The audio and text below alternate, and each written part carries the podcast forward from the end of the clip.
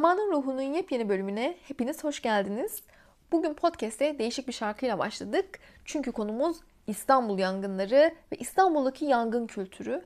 Yangın kültürü diyorum çünkü gerçekten Osmanlı İstanbul'un kendine has bir yangın kültürü varmış. Şarkısıyla, inançlarıyla, yangını karşılayış biçimiyle, sembolleriyle hatta argosuyla yangınla yepyeni ve kendilerine özel bir ilişki tahsis etmişler. Hani hep deriz ya nevi şahsına münhasır diye. İstanbul'da nevi şehrine münhasır bir şehir ve yangınla ilişkisi de bir o kadar değişik. Bu kadar korkulan yangına dair bu kadar büyük kültürün oluşması gerçekten çok şaşırtıcı.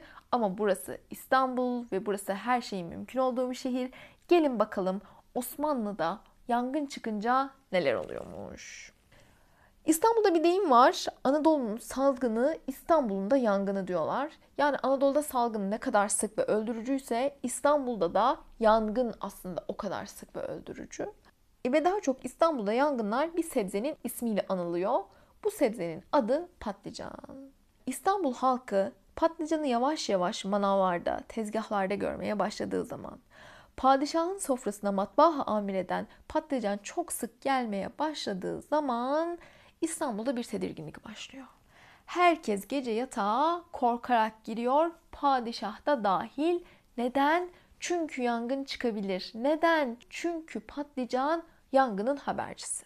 Şöyle bir deyiş var İstanbul'da. Patlıcan zamanı geldiğinde İstanbul'da iki şey artar. Bir yangınlar, iki deliler. Neden böyle demişler? Çünkü patlıcan sıcak mevsimde çıkıyor ve sıcak mevsimler aslında yangının en çok çıktığı ve en çok yayıldığı zamanlar. Bu yüzden patlıcan demek biraz yangın ihtimalinin artması demek. Delilik ihtimalinin de artması demek. Çünkü insanlara çok sık sıcak çarpıyor ve sıcak çarpmasıyla beraber de aklının bir kısmını kaybedenler oluyor. Bu yüzden deliler de artıyor. Ama patlıcanın bir suçu daha var. Gerçekten de yangınların çıkmasına bizzat sebep oluyor. Yani kendisi bir fail. Biliyorsunuz Türk mutfağında patlıcanın önemli bir yeri var. Özellikle de közlenmiş patlıcanın önemli bir yeri var. Biz bugün nasıl seviyorsak imam bayıldığı karnıyarı ya da közde patlıcan salatasını Osmanlı halkının da bizden aşağı kalır yanı yok.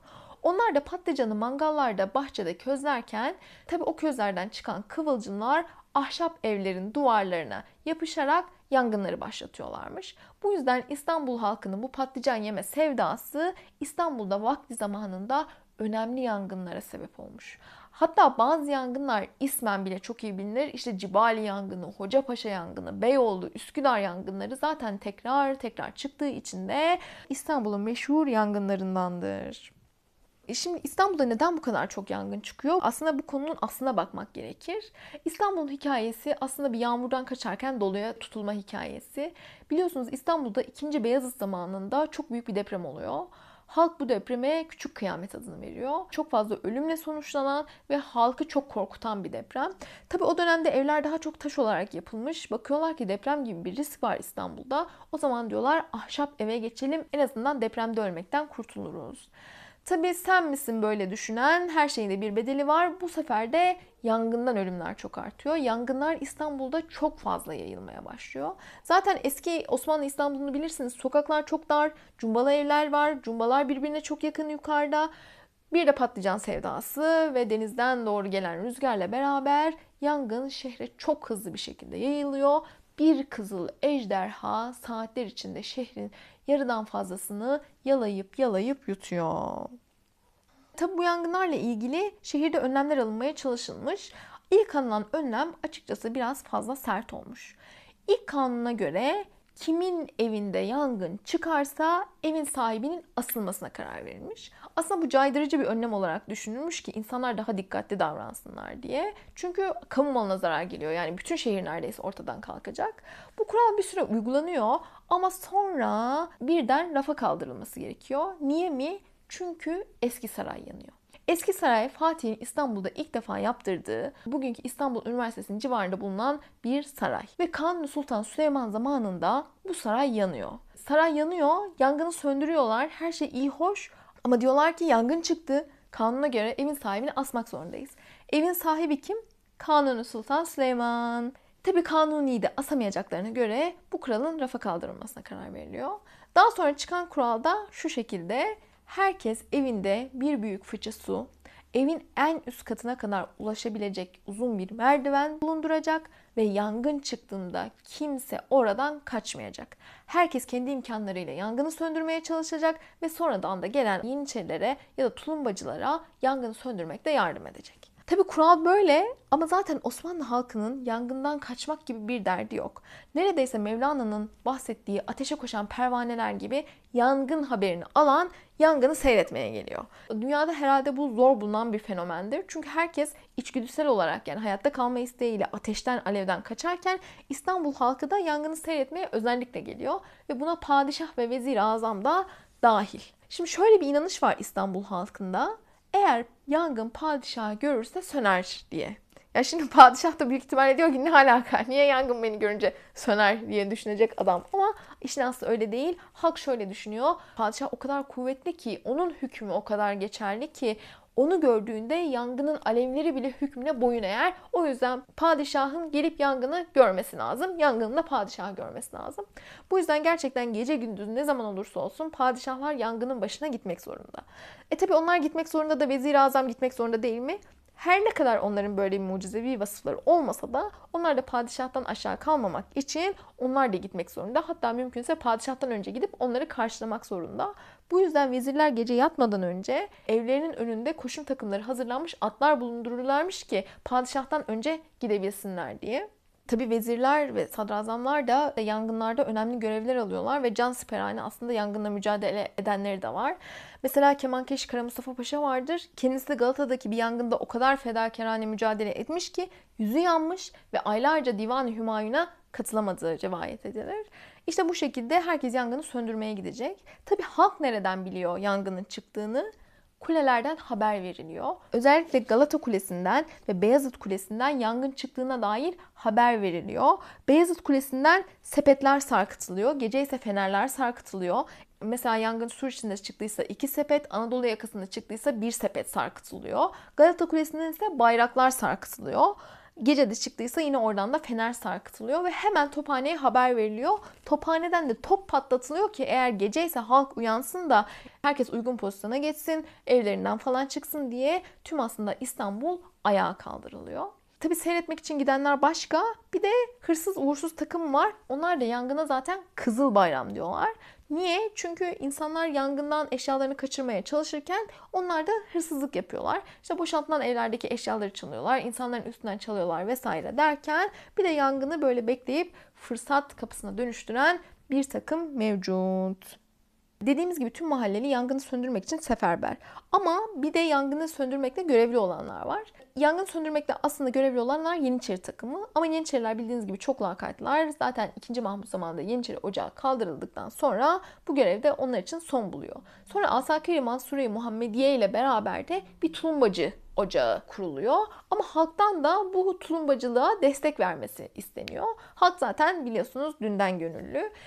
Mahallelerde tulumbacı takımları oluşturuluyor. Eğer mahalle Müslüman mahallesi ise imama bir tulumba sandığı veriliyor. Hristiyan mahallesi ise de kilisenin papazına bir sandık emanet ediliyor. Ve 13 kişilik tulumba takımları oluşturuluyor. Efendim bugünkü futbol neyse o günde tulumbacılık o. Bunu bu şekilde anlayabilirsiniz. Gerçekten İstanbul'daki en önemli müsabaka tulumbacıların yangına koşuşu olmuş o günlerde. İnsanlar gerçekten tulumbacılığa müptela olmuşlar. Yani hangi mahallenin tulumbası hangi yangına daha önce yetişecek, kim daha güzel koşacak, kim tulumba sandığını yağ gibi kaydıracak. İstanbul halkının işi gücü bitmiş bunları konuşuyorlar. Hatta o kadar insanlar ilgili ki devletteki memurlar işte yangın çıktığında mesaileri yüzünden gidemiyorlar diye memuriyeti bırakıp tulumbacılığa geçenler ya da yaşlandığı için arkadan koşamıyor diye araba tutup tulumba sandığını takip ettirenler ya da böyle yabancı sefirler vesaire derken tulumbacılık çok önemli bir şey haline gelmiş. Hatta en başta dinlettiğim şarkı var ya işte yangın olur biz yangına gideriz. Sandık sandıklar içinde çok şanımız var vesaire diyor. İşte bu tulumbacı şarkısıdır. Gerçekten dört kollu bir sandık var. O sandığı taşıyorlar ve işte ilk giden yangın mahalline yarışı da kazanmış oluyor. Hatta çok ilginç bir şey bu sandık böyle hani dört kollu olması ve ortada taşıması itibariyle biraz ahit sandığına falan da benziyor. İnternette böyle şeyler dönüyor. Tulumbacılar aslında ahit sandığının işte taşıyıcılarıydı, onlara emanet edilmişti vesaire gibi böyle bir internet bilgisi var. Yani gerçekten gerçek olamayacak bilgiler sıralamasında bence birinci olabilir. Çünkü tulumbacı takımı biraz da böyle serkeş tiplerden oluşuyor açıkçası. Başka işi gücü olmayan onlara ahit sandığını emanet ederseniz büyük ihtimalle satar, kumara basar ve ve geriye hiçbir şey kalmamasını sağlarlardı. Yani buna itibar etmeyiniz efendim. İşte İstanbul'da yangınların aslında kısa hikayesi böyle. Bir sebzeyle anılan, padişahı bile yatağından kaldıran, argosuyla, müsabakasıyla, şarkısıyla, türküsüyle İstanbul'u yalayıp yutan Kızıl Ejderha'yla İstanbul halkın etkileşimi bu şekildeymiş. Ne diyelim evlerimizden uzak olsun Hocapaşa, Cibali, Üsküdar yangınları inşallah tarihte kalsın bir daha yaşanmasın diyoruz. Ve yine başka bir yangın şarkısıyla bu bölüme de veda ediyoruz. Sonraki bölümlerde görüşmek üzere. Kendinize çok çok iyi bakın.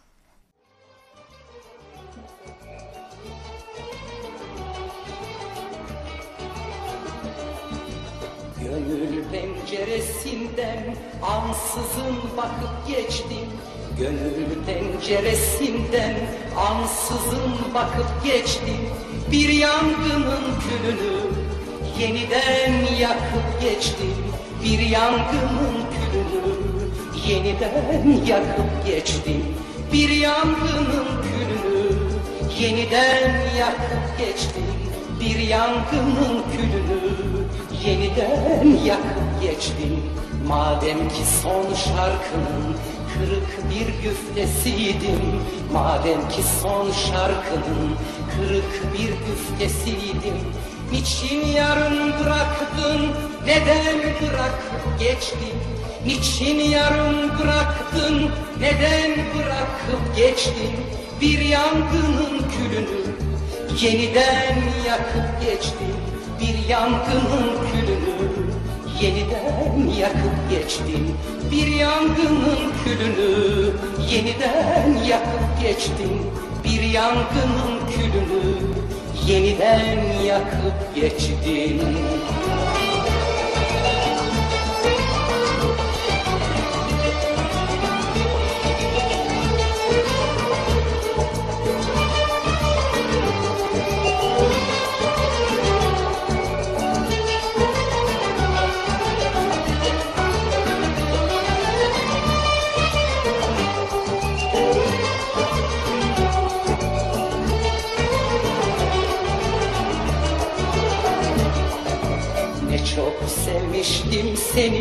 Ne çok hatırlar mısın? Ne çok sevmiştim seni. Ne çok hatırlar mısın? Aşiyan yollarından Ses versem duyar mısın? Aşiyan yollarından Ses versem duyar mısın? Aşiyan yollarından Ses versem duyar mısın? Aşiyan yollarından Ses versem duyar mısın? Hala beni düşünür ve hala ağlar mısın? Hala beni düşünür ve hala ağlar mısın? Bir bahar seli gibi yolundan akıp geçtin. Bir bahar seli gibi yolundan akıp geçtin. Bir yangının külünü yeniden yakıp geçtin bir yangının yeniden yakıp geçtin bir yangının külünü yeniden yakıp geçtin bir yangının külünü yeniden yakıp geçtin yeniden yakıp geçtin yeniden yakıp geçtin